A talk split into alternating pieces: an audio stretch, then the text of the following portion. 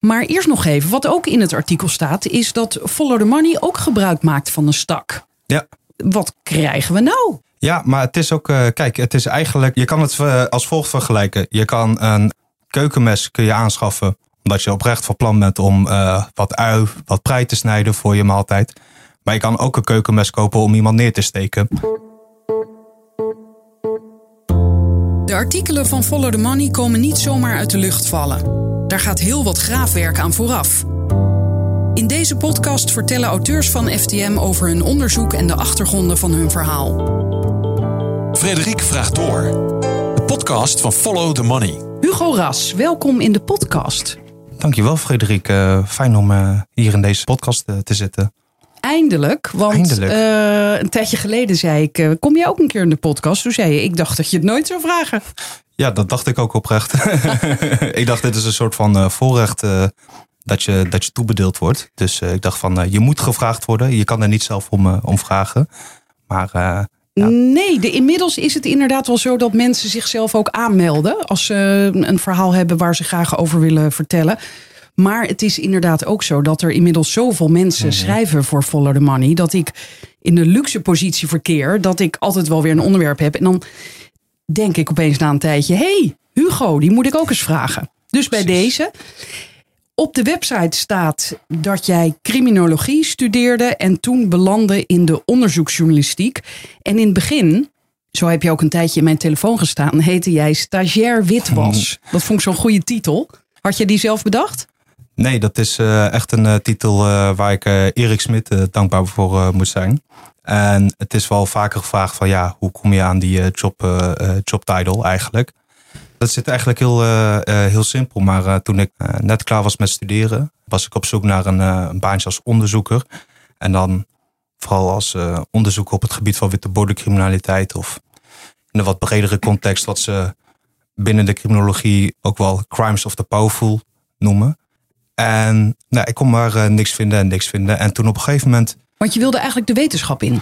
Ja, de wetenschap of iets als een bijvoorbeeld een bepaald onderzoeksbureau. Ehm, of bijvoorbeeld bij Defensie of iets dergelijks. Als, bijvoorbeeld, als, als bijvoorbeeld cultureel onderzoeker of iets in, die, in die richting.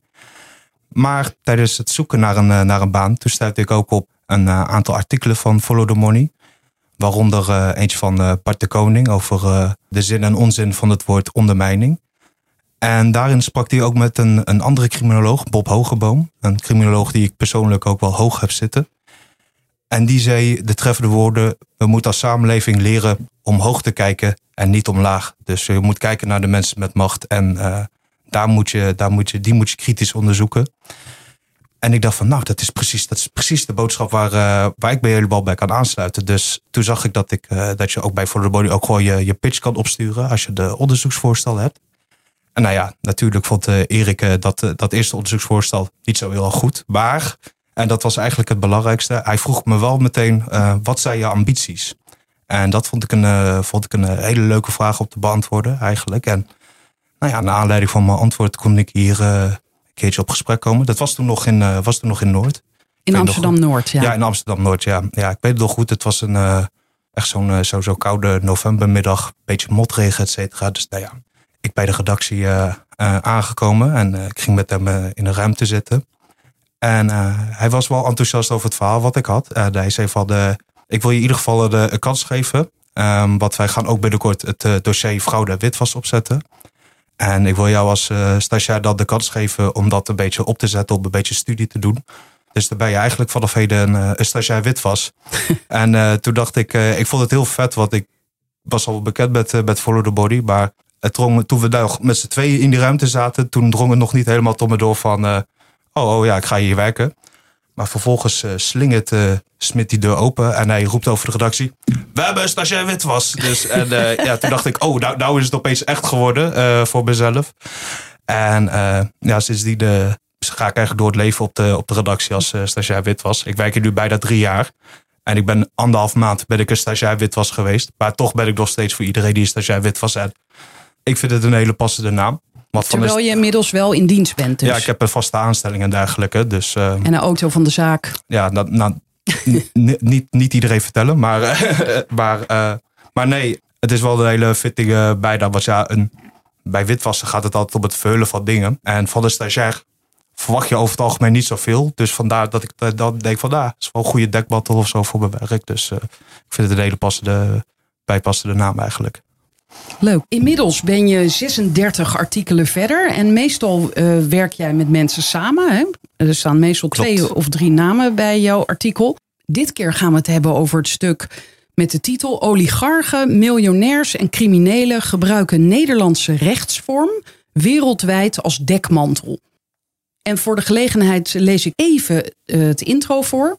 De Stichting Administratiekantoor, ooit bedacht als beschermingsmiddel voor Nederlandse bedrijven en families, is de afgelopen twintig jaar wereldwijd uitgegroeid tot een geliefd instrument voor fraudeurs, oligarchen en kleptocraten. Ze gebruiken deze beheersconstructie om buiten beeld te blijven en hun vermogen te verhullen en te verplaatsen. Een stak heet dat. Ik had daar nog nooit van gehoord. Hoe ben jij uh, dit op het spoor gekomen? Of ben jij dit wel op het spoor gekomen? Of is dat een van je collega's Siem Eikelenboom of Lucas Kotkamp met wie je dit stuk hebt gemaakt? Nou ja, ik kan uh, wel zeggen dat ik uh, de, de geestelijke vader van het artikel ben. En ik denk dat Siem en Lucas dat ook zullen zeggen. Wel goed om erbij te zeggen dat wij dit onderzoek hebben gemaakt, deels naar aanleiding van onze tijdelijke toegang tot de Pandora Papers van het International Consortium of Investigative Journalists. Ja, daar moet je straks nog meer over vertellen hoor. Ga ik maar, meteen, ja. ja, ga ik doen. Ja, de reden waarom we op die uh, stak zijn gekomen. Waar het eigenlijk een beetje voor mij mee begon, is dat uh, toen ik hier überhaupt kwam werken, toen ging ik me uh, natuurlijk verdiepen in de wereld van, uh, van witwassen. En nou, dat is natuurlijk een hele brede wereld. En ik bedoel, ik zou hier 20 euro van jou kunnen stelen en dan boodschappen kunnen doen bij de Albertijn. En dan heb ik dat geld ook, heb ik geld van een diefstal ook al wit gewassen.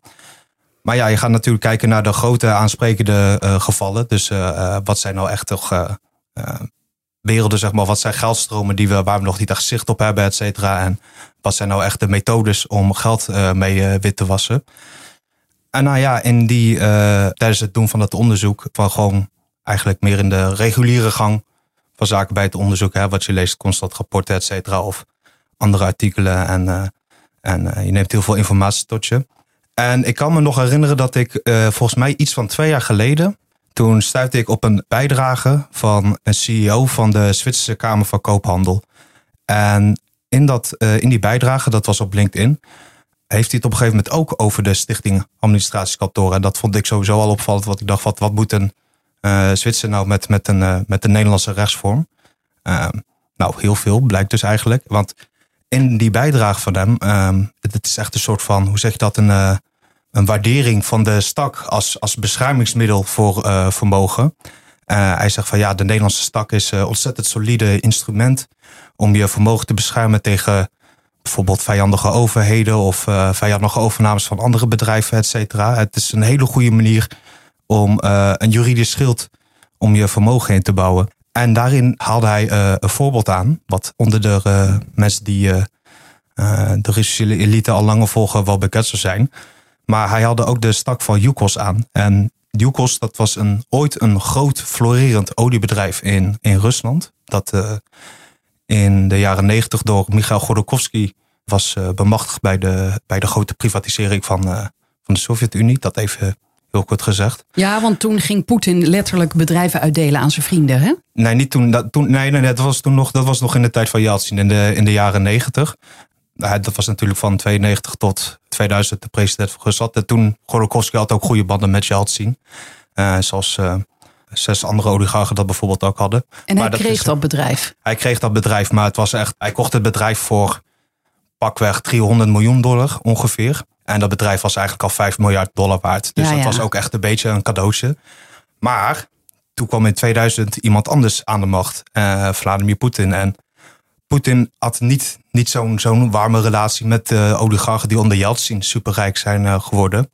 Uh, sterker nog, Poetin wilde eigenlijk gewoon wat al die oligarchen hadden, wilde hij weer tot zijn beschikking uh, krijgen.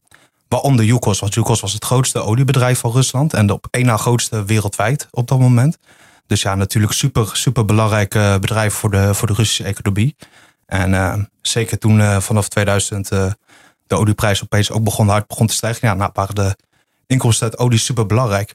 Tegelijkertijd was Godorkovsky ook een politieke bedreiging. Althans, zo werd hij beschouwd vanuit het, vanuit het Kremlin, vanuit Poetin en zijn, en zijn KGB-kameraden. Dus Yukos moest, moest afgepakt worden. Dus nou ja, Golokowski wordt in 2003 onder, door een, hoe zeg je dat, een, ja, misschien een beetje politiek showproces wordt hij uiteindelijk veroordeeld voor 13 eh, jaar celstraf in eh, hele afgelegen regio in het eh, oosten van Rusland. Um, maar dan is er ook nog Yukos, het bedrijf zelf. En dat heeft de Russische federatie ook geprobeerd zoveel mogelijk te ontmantelen. En eigenlijk alle eigendommen die onder Yukos vielen in Rusland, ja, dat was gewoon sowieso voor Poetin en zijn kameraden, want daar kon je niks tegen beginnen. Maar dat gold niet voor de buitenlandse eigendommen van Yukos. Want daar hadden een aantal advocaten een hele slimme list op bedacht. En uh, dat waren advocaten het, van de Zuidas natuurlijk. Um, natuurlijk, zeg natuurlijk, jij. ja, ja, nou ja, die, voor uh, jou is dit natuurlijk? Ja, voor mij is dit wel natuurlijk. Ja, het, ik vind het soms nog wel schrikbarend hoeveel werkgelegenheid er is gecreëerd op de, of is gecreëerd, of hoeveel werkgelegenheid er was voor advocaten op de Zuidas om voor Russische cliënten op te treden. Dat is denk ik veel groter dan wij waarschijnlijk doen vermoeden. Maar ja, daarom doen wij er natuurlijk ook heel veel onderzoek naar. Maar toen, sterker nog, Yukos had niet één stak. Ze hadden zelfs twee staks. Want ze hadden eigenlijk twee branches of ja, hoofdkantoren buiten Rusland op. En daar hadden ze voor beide als een aparte stak. En um, die stak bleek dus super succesvol in het uh, beschermen van de assets van Yukos tegen, tegen de Russische federatie. Want op het moment dat jouw vermogen onder een stak valt en je wilt daar bijvoorbeeld beslag op leggen of iets dergelijks, moet je naar een Nederlandse rechter. En natuurlijk voor uh, Poetin maten was de rechtspraak in Rusland, dat was natuurlijk, het zat in een uh, achterzak bij wijze van. Dat was één belletje en het was geregeld. Maar met de Nederlandse rechtspraak ligt dat toch heel erg anders. En dan heb je gewoon een rechterlijke uitspraak nodig om bijvoorbeeld bepaalde vermogens uh, terug te kunnen trekken. En is dit waar die Zwitserse CEO van de Kamer van Koophandel ook zo hoog over opgaf? Van je bent echt heel goed beschermd, want je moet naar de rechter in Nederland. Onder, onder andere inderdaad, ja, kijk, het is natuurlijk Nederlandse rechtspraak, staat er internationaal ook heel goed op. Hè? Um, hebt, als ik advocaten spreek over de Nederlandse rechtspraak, dan zeggen ze altijd hetzelfde: van ja, je hebt soms wel incompetente rechters, maar je hebt eigenlijk geen corrupte rechters. Dus wat dat betekent is dat, het, uh, Nederlandse, uh, dat de Nederlandse rechtspraak, dat je daar in ieder geval wat vertrouwen in kan hebben. Want die oligarchen weten ook wel dat als zij in Rusland een zaak tegen de staat gaan aanspannen, dat dat volledig kansloos is en dat ze die nooit zullen winnen. Maar in Nederland ja, kan het nog alle kanten op gaan. En maar nog heel even over die twee ja. uh, takken van Yukos, die ja. dus eh, door zo'n stak beschermd mm. werden of nog mm -hmm. steeds worden. Wat hield dat dan in de praktijk in? Dat Poetin dus niet dat geld van die afdelingen kon innemen? Nee, dat kon niet. Uh, dat uh, ging inderdaad niet zomaar. Dus, want wat het unieke is aan de stak, is dat het economische eigendom en het juridische eigendom gescheiden van elkaar worden. En je hebt dan de uitgifte van certificaten. Dat zijn een soort van aandelen eigenlijk in die, in die stak. Daarmee kun je geld uit zo'n uh, het economische eigendom eigenlijk eruit halen. Maar dat wordt dus bij je stak wordt dat dus gescheiden. Um, waardoor je dus uh, niet zo makkelijk bijvoorbeeld dat beslag op kan leggen. Of gewoon uh, kan, een rechtshulpverzoek kan indienen en zeggen van nee, al bij die en die stak het geld op. Dat gaat dan niet zomaar. Wie heeft dit ooit bedacht? Nou ja, de exacte naam daarvan eh, zou ik niet in één keer zo kunnen opleveren. Maar dit is ooit bedacht, uh, een eeuw geleden. En met het idee van uh, we moeten Nederlandse familiebedrijven moeten we beschermen tegen vijandige overnames.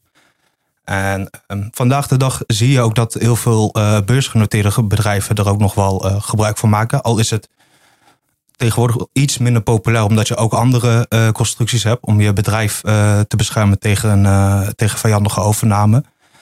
Maar ja, het is eigenlijk ooit opgericht als gewoon een, eh, een beschermingsmiddel voor, eh, voor familiebedrijven. En uh, om ervoor te zorgen dat niet bijvoorbeeld een, een MKB'er bijvoorbeeld, die heel lang zijn leven aan een bedrijf heeft gewerkt en dat vervolgens dan het liefst gewoon naar zijn kinderen wil overlaten of iets dergelijks, dan is vaak zo'n stak een uitstekend middel om dat goed te regelen. Maar ja, de stak kan ook voor andere dingen worden, worden ingezet. Dus ja. dat is heel, uh, heel opvallend. En dat hebben jullie dus uh, ontdekt. Zo komen we op die Pandora Papers. Maar eerst nog even, wat ook in het artikel staat, is dat Follow the Money ook gebruik maakt van een stak. Ja. Wat krijgen we nou? Ja, maar het is ook, kijk, het is eigenlijk, je kan het als volgt vergelijken. Je kan een keukenmes kun je aanschaffen Omdat je oprecht van plan bent om wat ui, wat prei te snijden voor je maaltijd. Maar je kan ook een keukenmes kopen om iemand neer te steken. Dus het middel, uh, het middel aan zich uh, is niet verkeerd. Maar het doel waar het voor wordt aangewend, dat kan nog wel eens heel erg verschillen. Want ja, wie, wie kan erop tegen zijn dat een familiebedrijf goed beschermd wordt, juridisch gezien? Daar zal niemand een probleem mee hebben probleem is, is dat er alleen op deze manier ook wel misbruik van kan worden gemaakt. En dat het daar heel erg vatbaar voor is. Maar waar gebruikt Follow the Money het voor? Uh, voor het beschermen van uh, bescherming tegen vijandige overnames. Omdat je kan namelijk nu niet zomaar zeg maar, FTM, alle aandelen op FTM opkopen. Want stel dat je dat wel zou willen doen, dan moet je dat via. Dan, hoe, hoe doe je dat dan? Dan lees je dus, oh, ze hebben een stak. En dan is het meteen klaar? Of kan je dan nog via een andere weg proberen de aandelen over te nemen? Nee, dat wordt, dan wel, wordt dan wel heel lastig, denk ik. Maar dit, dit, zo gaat dat ook in het bedrijfsleven. Als mensen denken, oh, of mensen van een andere bedrijf, van hé, hey, dat is een interessant bedrijf, dat zouden we wel willen toevoegen aan onze portefeuille. Gaan ze allerlei papieren opzoeken, online wellicht. En er staat er, ja. oh, ze hebben een stak, oh jammer, dat gaat ja. niet gebeuren. Ja, want dat komt namelijk omdat het juridische eigendom, normaal gesproken als jij iets koopt, dan heb je het juridische eigendom en het zogenaamde economische eigendom. Dus um, stel, um, uh, je koopt een, uh, een piano. Ik noem maar even wat. Dat is het eerste wat ik ergens uh, om me heen zag. Maar, um, Zie jij hier een piano? Nee, maar ik zag dat dat, bord, daar, dat was bij eerste associatie. Maar dit knippen we waarschijnlijk toch wel eruit. Dus. Nee, dit knippen we niet. Je wijst nu naar het mooie nieuwe mengpaneel waarmee dit gesprek wordt opgenomen. Dat mag de luisteraar oh. best weten, dat we hier een mooi nieuw apparaat hebben. Daar ben okay. ik heel blij mee. Maar okay. ga door. Nou, ik heb inmiddels een beter voorbeeld. Stel je koopt dat uh, mengpaneel. Dan ja, heb je gewoon eigenlijk de economische eigendom daarvan. Want ja, uh, uh, je hebt ervoor betaald. Hebt, ja, je hebt ervoor ja. betaald inderdaad. Je zou het ook weer mogen verkopen. Maar je hebt ook het juridische eigendom. Dat gewoon dat ja, niemand kan dat zomaar van jou afpakken of iets dergelijks. En zo is het dan ook eigenlijk met die uh, stak. Dat wordt de, met die stak is het nou juist dat het uit elkaar wordt gehouden. Zodat je niet zeg maar, uh, bijvoorbeeld als je ook de, kijk, als je de juridische eigendom uh, hebt van een bedrijf. Dan kun je dat ook weer zeg maar door, kun je als dat ook weer doorverkopen bijvoorbeeld. Maar dat kan, op deze manier kan dat niet bij de stak, want het wordt wel echt uit elkaar getrokken. En dat maakt het juist zo'n uh, effectief middel. Oké, okay. nou je was gebleven bij dat je dus ooit er al over las, ja. over dit middel, ja. hè, de stak, de Stichting Administratiekantoor. Ja. Je vertelde ook nog heel leuk van ja, ik vertelde mijn vriendin erover en die viel halverwege mijn verhaal al in slaap. Want het is inderdaad. Al eerder een... hoor, uh, al bij uh, toen ik zei ja, ik ben nu bezig met de pitch over de Stichting Administratiekantoor. En nou, toen was de eerste gaap al gevallen hoor. Dus, uh... Ja, want het is een doodzaaie naam. Is dat bewust gedaan of is dat omdat het al 100 jaar bestaat? Ik denk inderdaad dat dat uh, zo is omdat het al 100 jaar uh, bestaat. En uh, ik bedoel, het wetboek van strafrecht komt volgens mij ook uit 1881, als ik het goed heb. Um, maar nee, ja, dat is, en dat vind ik juist het opvallende uh, aan de stak. Is dat het is een ontzettend uh, saai, kneuterig uh, Nederlandse samenvoeging van, van, van twee, twee woorden. En waarvan je denkt, ja, dit, is, dit klinkt zo ontzettend saai. Dit vinden misschien een paar fiscalisten, vinden misschien dit woord, krijgen warme gevoelens bij dit woord. maar niet, je gaat geen hoge ogen gooien op een verjaardagsborrel als je praatje begint over de Stichting Administratiekantoor.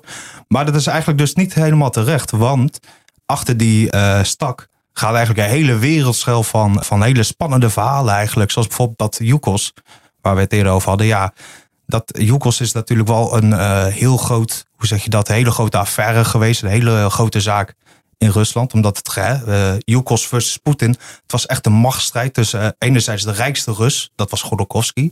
Uh, door, door Yukos natuurlijk. En de man die uh, echt de macht had, uh, Poetin. Dus die strijd was heel, ook voor zijn presidentschap eigenlijk heel bepalend. Van, hè, wie is nou echt de baas in Rusland? Zijn dat nog steeds eigenlijk de oligarchen die onder Yeltsin zo'n beetje het hele land hebben leeggeplunderd? Of is dat Vladimir Poetin die nu eigenlijk de macht naar zich toe trekt? En een tijd lang hebben mensen in Rusland hem ook, Poetin daar ook ook wel echt voor geprezen. Omdat hij liet zich echt. Uh, mensen dachten van, oh, kijk, hij uh, zet, zich echt, uh, zet zich echt in in de strijd tegen de, tegen de rijkste Russen. Wat uh, op dat moment ook was. Dus ja, dan denk ik ook zoiets van, ja, maar dat zit ook gewoon. de buitenlandse ernst daarvan zit gewoon onder een stichting administratiekantoor. Ik vraag me dan ook af of er dan ooit een dag is geweest in het Kremlin.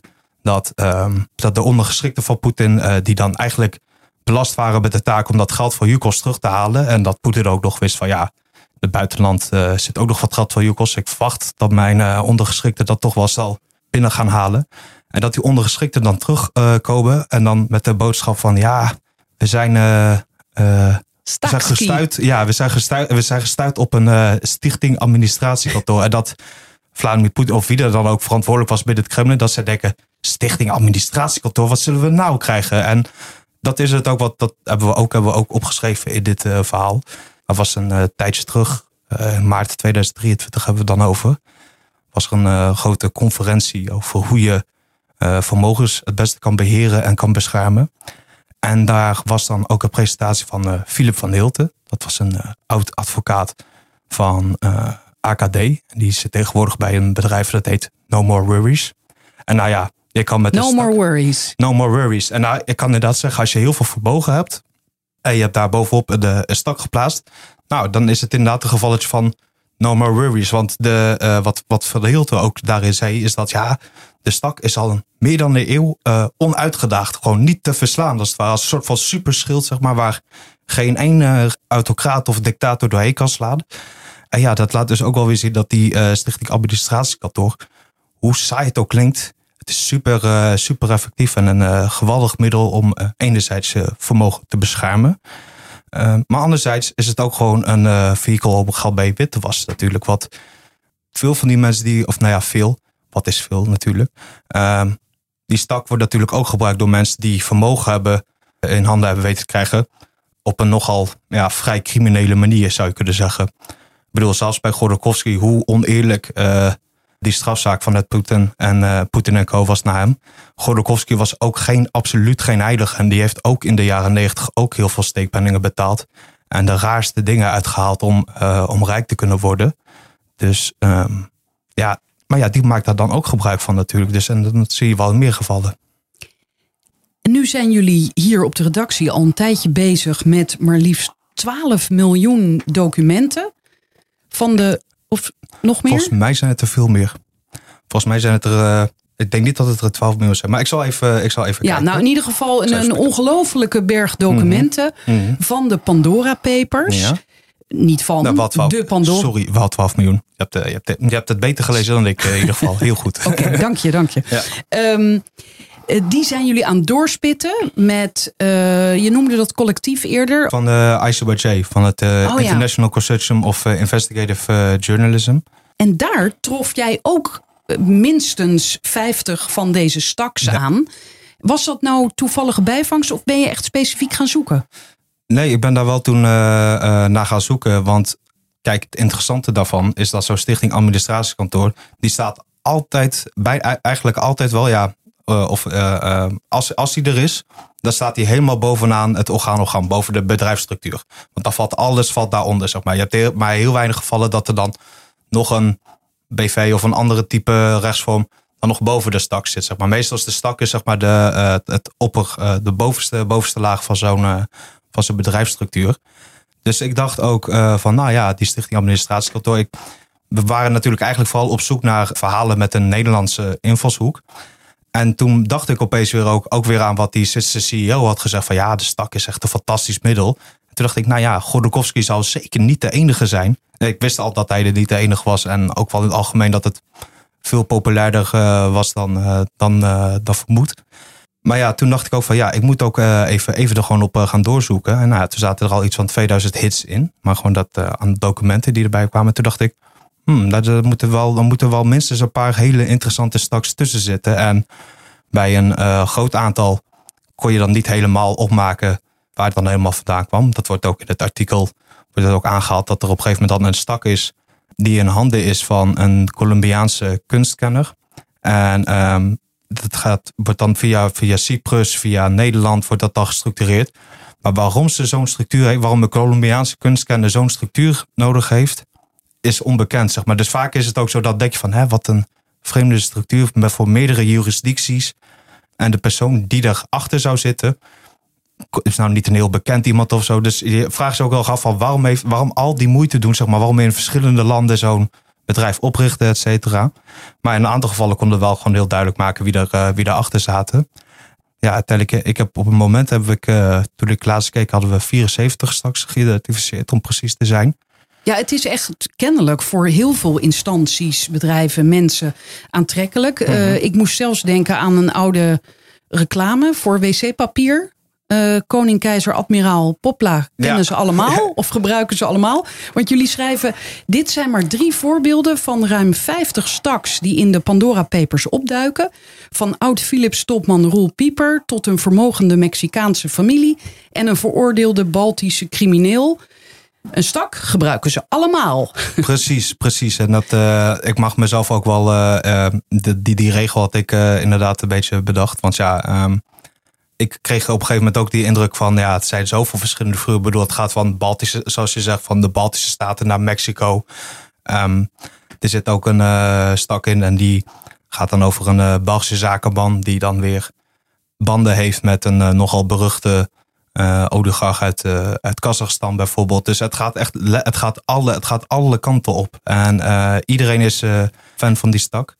Ja, en dan nog even die Pandora Papers, die noem ik even zo en passant. Maar die zijn alweer van twee jaar geleden. Dat, uh, wat was dat ook weer? Een enorm lek van deze documenten.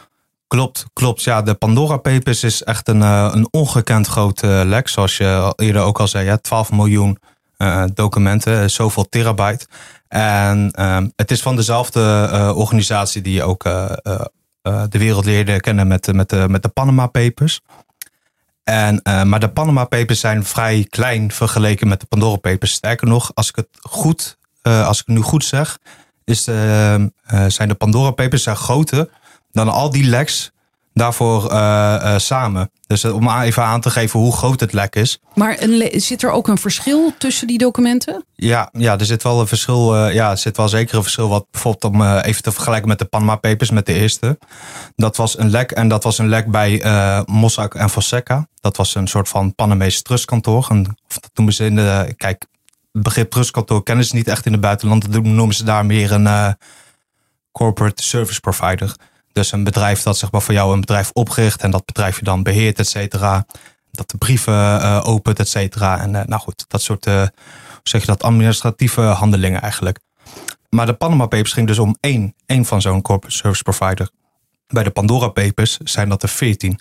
En die veertien zitten niet alle veertien in Panama. Er zit ook eentje in Hongkong, eentje Cyprus, eentje op Seychelles, eentje de Britse Maagdeneilanden.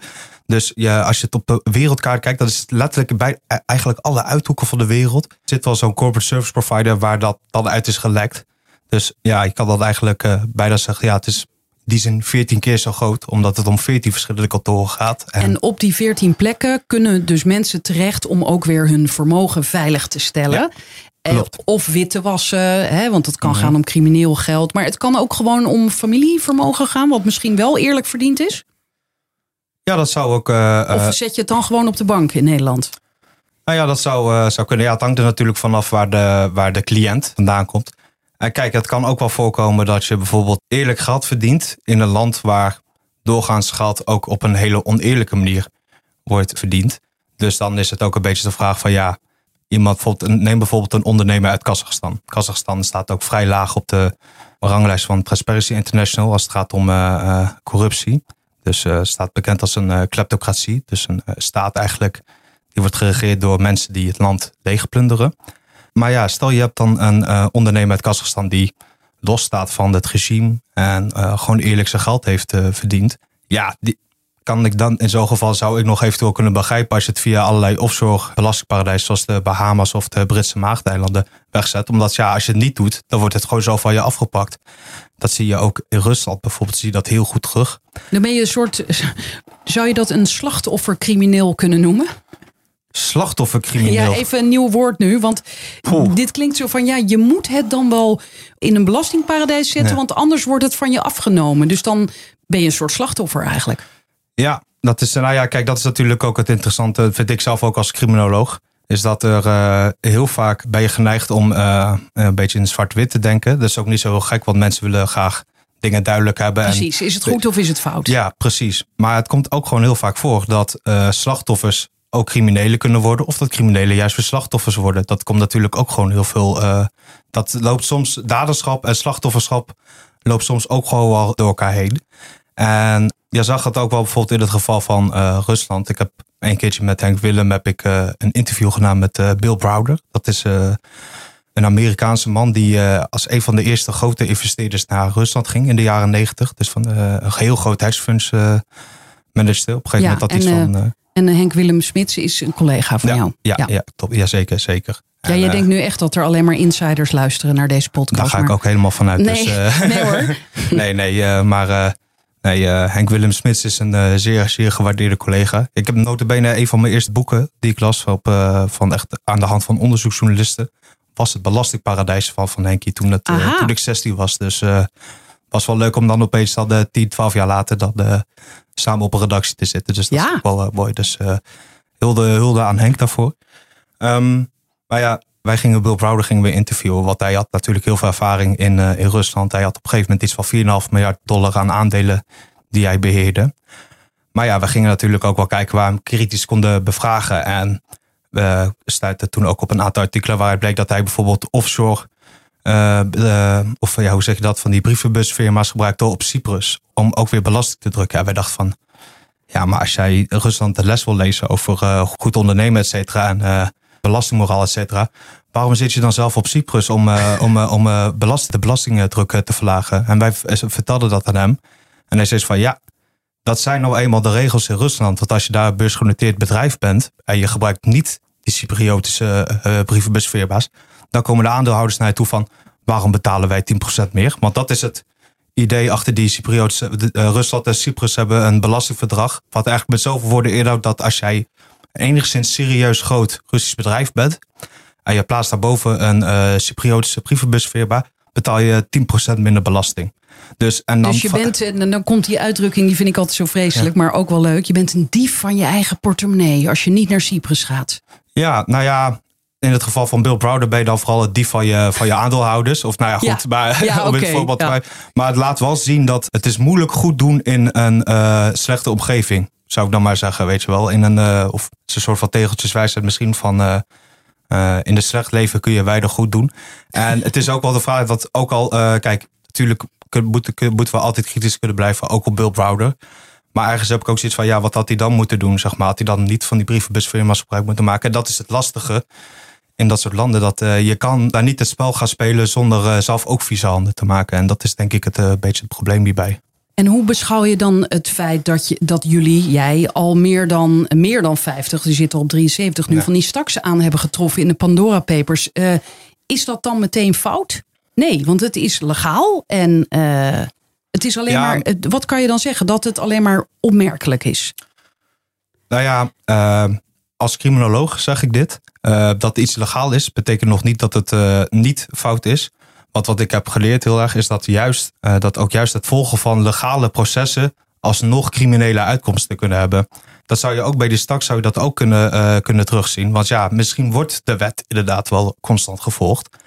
Maar ja, als het dan daartoe leidt dat uiteindelijk bijvoorbeeld gestolen geld op die manier weer zogenaamd schoon terug te verkeer komt, dan is dat een criminele uitkomst ja. van een legaal proces. En wat zegt, maar wat zegt het dan wel, zeg maar, over die staks in de Pandora Papers? Nou ja, het laat wel zien dat het een heel populair middel is. Want het gaat om 14 compleet van elkaar uh, afliggende uh, jurisdicties. Het gaat van Hongkong tot de Britse Maagdeneilanden en van Cyprus tot aan de uh, Seychelles. Maar je ziet, overal zie je die stak weer opeens opduiken. En dat laat wel zien dat het echt een, een geliefd middel is in het buitenland voor mensen die graag, hoe zeg je dat, discreet een vermogen willen verplaatsen of juist een, een vermogen uh, goed willen afschuimen, omdat ze reden hebben om te denken dat mensen achter hun geld aan gaan komen. Want of het wel, of het zijn, of, of ze hebben ruzie bijvoorbeeld met uh, uh, bepaalde groepen die, die uit zijn op hun geld. Of ze hebben bijvoorbeeld het geld van zo'n groep afgepakt en willen het nu juist weer veiligstellen. Dus de stak is een soort van kluis om het geld heen. En dat geld heeft toch vaak een, ja, dat toch wel enigszins controversiële achtergrond. Of wil dat nog wel eens hebben. Jullie hebben ook meerdere experts uh, dit voorgelegd van wat, wat, hoe moeten we die stak nou zien? En nou, dan beschrijven jullie dat in ieder geval notarissen een grote rol hierin hebben, want die tuigen die straks uh, mede op. Hè? -hmm. um, en dan zegt ook een expert van ja, stel dat je de hele stak zou afschaffen of zou willen afschaffen, dan dat moet je ook niet doen. Want dan gooi je het kind met het badwater weg. Want het, is, het kan een heel goed middel zijn. Dat is eigenlijk wat jij in het begin ook al uitlegde. Het is met hele goede bedoelingen eigenlijk uh, gecreëerd. Alleen nu loopt het een beetje uit de hand, lijkt het. Ja, ik denk dat je daar wel een beetje de, de kern te pakken hebt. Maar ik denk dat dat ook iets, uh, iets heel algemeens, een algemeen probleem is. Is dat je wil, qua wetgeving, wil je bepaalde dingen regelen. Die wil je goed regelen. Zoals bijvoorbeeld met de stak is gepoogd uh, 100 jaar geleden van, nou ja, we gaan familiebedrijven gaan we, uh, gaan we beter beschermen. En dat gaan we op deze manier doen. Maar ja, er wordt daar weer ook, uh, zijn er toch altijd wel weer gehaaide figuren die dan toch ook wel weer misbruik van weten te maken. Ik bedoel, hetzelfde zie je bijvoorbeeld met het stapbudget. Ja, dat was bedoeld om mensen weer aan betere opleiding, betere scholing te krijgen. Maar ja, dan heb je ook weer figuren die daar weer profijt van weten te maken. En dat is denk ik een, het algemeen een heel inherent probleem aan, aan wetgeving of dit soort maatregelen. En misbruik is ook overal. Misbruik, ja, ja. want je verwijst naar dat uh, stapbudget. Mhm. Dat was uh, voor welke mensen was dat ook weer bedoeld? Uh, nou ja, dat was eigenlijk bedoeld om bijvoorbeeld leraar, meer leraren, meer zorgpersoneel en zeg maar echt de sectoren waarin de arbeidstekorten ja. heel hoog zijn. Maar ja, dat ging dan allemaal naar bijvoorbeeld Bitcoin experts of bieren, bierproeverijen. Dat, een beetje dat soort, dat soort werk. Ja, daar heeft Follow the Money ook over geschreven. Daar heeft Follow the Money ja. ook over geschreven. Dus ehm, ja, dat misbruik is, is, natuurlijk nog veel ouder Ja. dan 100 jaar. Ja, ja maar om Ehm, het even weer even terug te koppelen naar uh, misschien meer het thema dat bij, bij de stak past. Want het verhaal valt dus nu eigenlijk onder het dossier fraude, witwassen en Moneyland Nederland.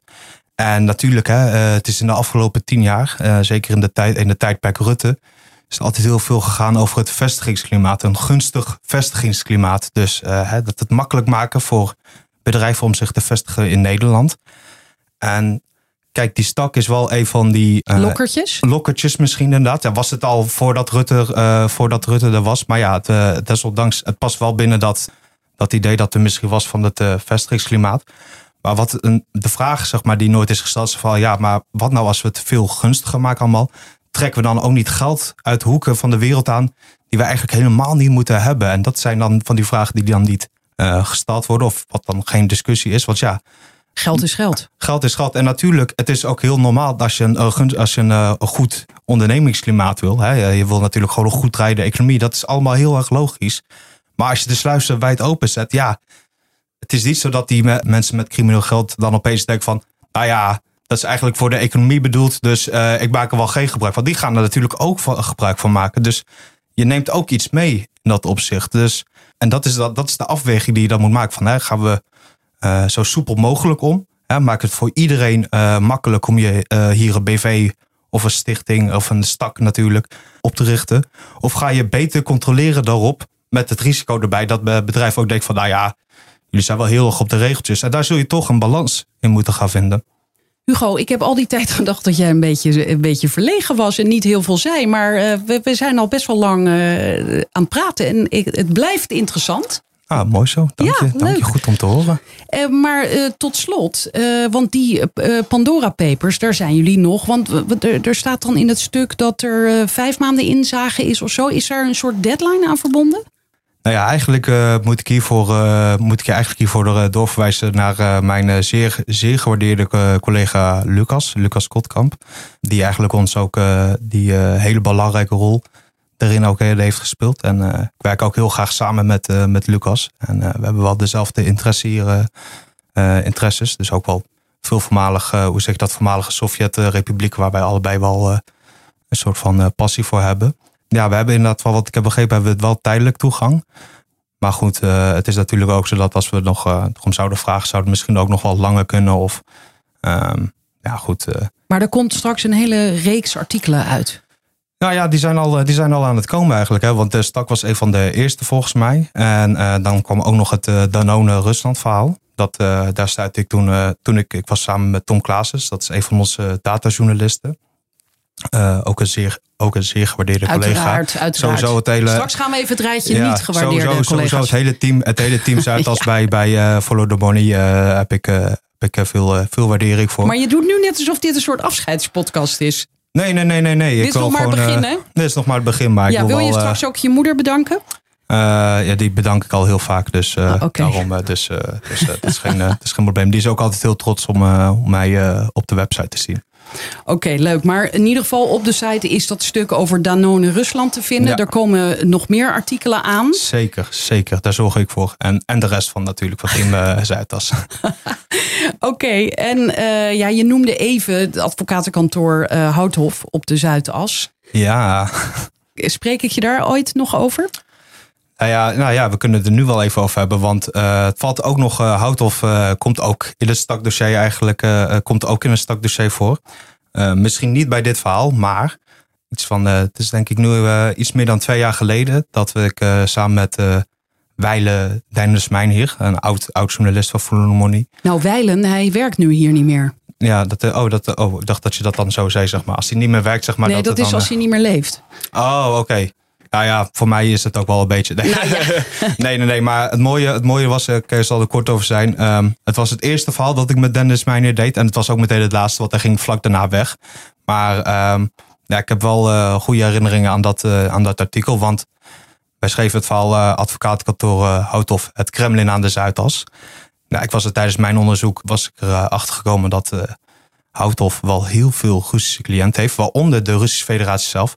Sterker nog, in de zaken over de stak uh, van Yukos, waar we het over hebben, stond Houthof de Russische federatie bij in Aha. de Nederlandse rechtbanken om daar het geld weer uit terug te krijgen. Dus uh, Houthof heeft echt gigantisch veel verdiend met, uh, met zijn Russische klanten. Maar dit is niet gelukt, want de Nederlandse rechters hielden stand, want die zijn niet Klopt. crimineel. Klopt, klopt. Ja, en nu zijn er wel uh, andere dingen. Of niet corrupt, bedoel ik. Nee, niet corrupt. Ja. Dat is een van de zaken, want ze hebben het wel geprobeerd en op een gegeven moment hebben ze dat opgegeven. Maar er was ook nog een zaak die de minderheidsaandeelhouders van Yukos, dat waren dan allemaal Amerikanen, die hadden een uh, rechtszaak tegen de Russische Federatie aangespannen in Nederland. Want die hadden zoiets van, ja, hallo, uh, ons bedrijf wordt gewoon onder onze neus uh, gestolen. Dus die hebben zijn toen gaan procederen in Nederland. En nou, dat is uiteindelijk begon bij het Internationaal Arbitragehof in Den Haag. Maar dat is al snel naar gewoon de rechtbank in Amsterdam gegaan. En dat begon ergens in 2005. En ze zijn er nog steeds niet helemaal definitief over uit. Omdat er kan namelijk nog steeds een hoger beroep worden ingesteld of iets dergelijks. Maar Houthoff heeft al die jaren hebben ze de Russische Federatie vertegenwoordigd. Sterker nog, los van uh, de Russische Federatie had uh, ook andere Russische cliënten. Waaronder de twee grootste staatsbanken, uh, VTB en uh, Sberbank. En die twee Russische staatsbanken, die kregen op een gegeven moment kregen zij een aandeel in wat destijds nog Agrocor heette. En Agrocor was een, is een Russische retailer, een soort van Russische Albert Heijn of, Russische, of uh, Kroatische uh, Ahold of Kroatische Albert Heijn. En um, om hun uh, aandelen in, in, in dat bedrijf te structureren, gebruikten ze een Nederlandse stak. Nee. Ja, zeker wel. Het werd toen hernoemd tot de Agrocor werd toen Fortenova. Dat heb ik toen ook in dat Kremlin aan de Zuidas verhaal. Is dat toen ook de revue gepasseerd. Later heeft nog een collega van ons, Jan Eindstrop, heeft er ook nog een verhaal over geschreven. Want het bleek dus dat Houthoff niet verscherpt cliëntonderzoek had ingesteld. Want ja, het zijn toch twee Russische staatsbanken. Dus dat zijn eigenlijk twee, ja, hoe zeg je dat? Twee, twee potjes geld van Poetin. En ze hebben niet heel erg, uh, niet heel erg kritisch gekeken naar waar dat geld allemaal vandaan kwam. Dus ja, ook Houthoff uh, speelt ook zeker, uh, is ook zeer bekend met de staks, kan ik wel zeggen. Dankjewel, Hugo. Graag gedaan. Het was heel erg leuk. voor fijne vorm om soms wat meer uit te wijden, et cetera. als je dat op papier gaat doen, dan dan wordt het nog soms, langer. Ja, ja ben, je, ben je soms een beetje de draad kwijt. Maar hier is het wel wat uh, fijne vorm om uh, te vertellen. Zeker. Dank je, dank je. Tot, tot de tot, volgende keer. Tot de volgende keer, sowieso.